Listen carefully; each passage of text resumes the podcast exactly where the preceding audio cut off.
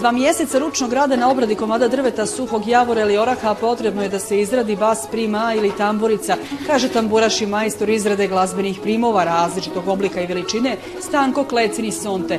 Zvuk njegovih tamburica i danas živi pod rukama dobrih glazbenika, dok na njima glazbaju o ljubavi sa lašima, bećarima, Dunavu. Ne možeš svaki dan da radiš sad 8 sati na instrumentu. Sad si zalepio ovu ploču, mora stajati dva dana. Onda ovo skineš, pa zalepiš drugu ploču popet. Pa, pa onda kad se ovo sve sam zalepio, onda stavljam vrat. Imam na svim kontinentima svjetskim moji tamburi, od Amerike do Rusije do, ne znam, Engleske, Norveške, ne znam Holandije, Italije.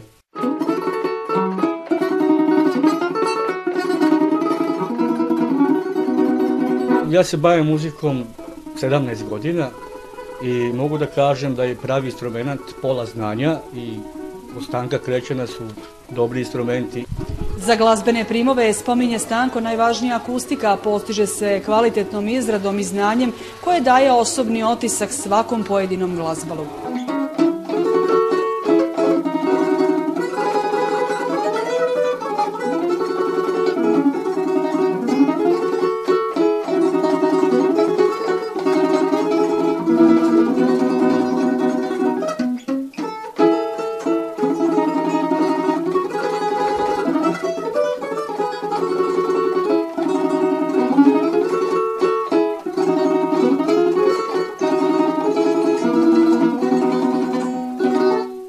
Ili ako imam neko dolgo drvete, te naprim tambur. Pa ona, uvek neko najđe pa kupi, trebamo da vidimo i dođu muzičari veliki pa oni gledaju instrumente. U mađarskom društvu u Torontu tri tambure. Oni su 40 njih u društvu. E sad, oni su veliki muzičari, nisu sad to tako. Oni su profesor muzike i ne znam šta. A imam u Americi isto imam četiri instrumenta. Dva ovako bas prime, i dva I ovaj je trebao, prim, ovaj tu što ima jedan prim je trebao otići za Ameriku i nisam ja. Ja sam sebi igrao. Stanko je poznat majstor tambure jer ih je sve manje. Za dobru tamburu kažu da je treba redovito svirati, a tada daje najljepši ton. Pod Stankovim rukama ona svoj život nastavlja dalje, ne samo u kavani, već i diljem svijeta. Gledate paletu Izbor iz emisija na jezicima nacionalnih zajednica.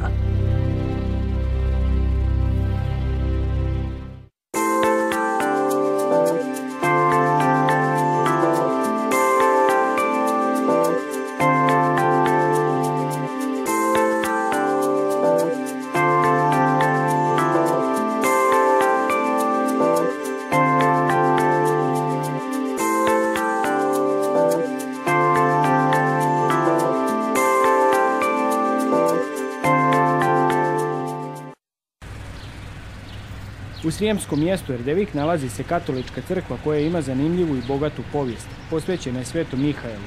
Župa danas nema puno vjernika, no ipak ona postoji i nastavlja svoj život. Prije drugog svjetskog rata Erdevik eh, je bila onako već jedna varošica koja je bila pretežno naseljena sa njemačkim i mađarskim stanovništvom. Eh, zbog toga i sama crkva odiše, odiše upravo tom kulturom, posebno njemačkom i kao što vidimo sve, eh, sve ove i postaje i sve zapravo što je jezično ispisano jeste na njemačkom, na njemačkom jeziku. Nakon drugog svjetskog rata Njemci masovno odlaze iz ovoga mjesta, ostaju ovdje Mađari i polako doseljavaju Hrvati iz Slavonije ili iz okolnih, okolnih, okolnih mjesta. Tako da nakon drugog svjetskog rata e, u crkvi je pretežno znači sada mađarsko-hrvatsko e, mađarsko-hrvatsko stanovništvo. E, sve tamo negdje do 90. godina, onda nakon 90, odnosno u tim 90. godinama, za, nakon, u stvari za vrijeme raspada E, više Jugoslavije, odlaze i Hrvati. Mađari u međuvremenu također napuštaju ovu zajednicu. Evo danas imamo ovdje nakon tih svih silnih iseljavanja preko 50 godina, jel, što zbog ratova, što i zbog, e, zbog ekonomskih e, prilika. Ova zajednica je danas vrlo mala zajednica, ima svega 60 domaćinstava, pretežno su to hrvatska domaćinstva, sa možda jedno samo 4-5 mađarskih, a ostatak je, ostatak je, ostatak je hrvatski. E, Crkva je stradala tijekom rata? Da, crkva je stradala 1993. godine kada je zapaljena, tu se urušio i toranj, dugo vremena je, e, dugo vremena je crkva tako i, ovaj, e, i stojala, u vremenu su se normalno oštetili i krov i e, kompletno gore plahon je strop. E, međutim, 2003. godine e, na, na inicijativu Njemaca koji su rodom iz Erdevika, ali su nakon drugog svjetskog rata otišli u Njemačku. Oni su sakupili jednu donaciju i crkva je onda obnovljena. Ono što odlikuje ovo mjesto jesu tri tornja, tri crkve. Da, tri tornja, tri, meni je uvijek drago kada dolazim pa vidim, vidim ta tri tornja jer odišu kršćanstvom, jel? I doista evo poziv da ljudi, e, bez obzira na neke male različitosti, mogu živjeti skupa i mogu raditi skupa i stvarati skupa i, i ovaj, i eto, to bi isto trebao biti jedan, jedan poziv ljudima, ne samo na ovim prostorima, nego općenito da samo sa stvaranjem i napretkom možemo, možemo imati neki opstanak na ovim područjima. U drugom slučaju, malo po malo, narod će se odseliti jer mm, nema uvjeta za život. Jel? normalna stvar. Župna crkva Svetog Mihajla podignuta je 1889. godine prema projektima Hermana Bolea.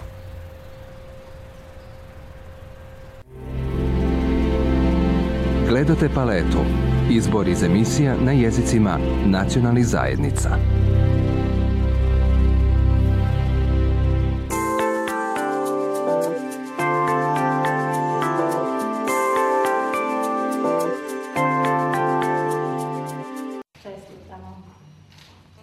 Gotovo su svi mediji sredinom srpnja zavrtjeli ovaj prizor.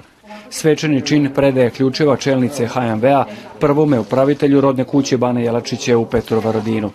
No osim primopredaje pozornosti privukao i sam ključ. Zbog njegove ocijenjeno je monumentalnosti. Nastao je ovdje, saznali smo, u Subotičkoj radionici Tomislava Romića. Prvo sam malo stao podeno stolu skicirao kako da izgleda, veličinu, ovo ono. Pa onda sam krenio od osnovne stvari, jel? Postolje, ovo ono. On je sastavljen iz elemenata koji su korišćeni u periodu, iz tog perioda kad je bio Bane Jelačić. A što su, koji elementi? Pa imate tih, na ključu što imate tih e, radova, stvari koji neke stvari imaju na toj kući od Bana Jelačića. Tomislav Romić jedini je radno aktivni i registrirani kovač u Subotici. Pa, odrastao sam, rođen sam u Subotici, odrastao u ovoj kući, tu sam i rođen. Oh, što kažu, zanat sam naučio od oca. Otac je imao radionicu, on je završio mašin bravarsku struku, ali u Budimpešti završio za kovačko valjarsko. Tomislavov otac radionicu je pokrenuo 1954. a on je glavni majstor postao 30 godina kasnije. Sugovornik nam priča što kovačnica mora imati i iz kakve vatre nastaju predmeti i ukrasi od željeza. Mora imati kovačku vatru, to je broj jedan, i nakovan. I određeni čekiće sa kojim radi. Evo sad vatru se mora podesiti Uvijek vatra mora biti zatrpana, mora se i kvasiti da bi se stvorio jedan vazdušni omotač koji drži temperaturu. Znači sa 900 možete i savijanje raditi, a da bi savijali i stezali mora biti veća temperatura. Pa, vidite, neku evidenciju nemam, ali do, puno se uradilo.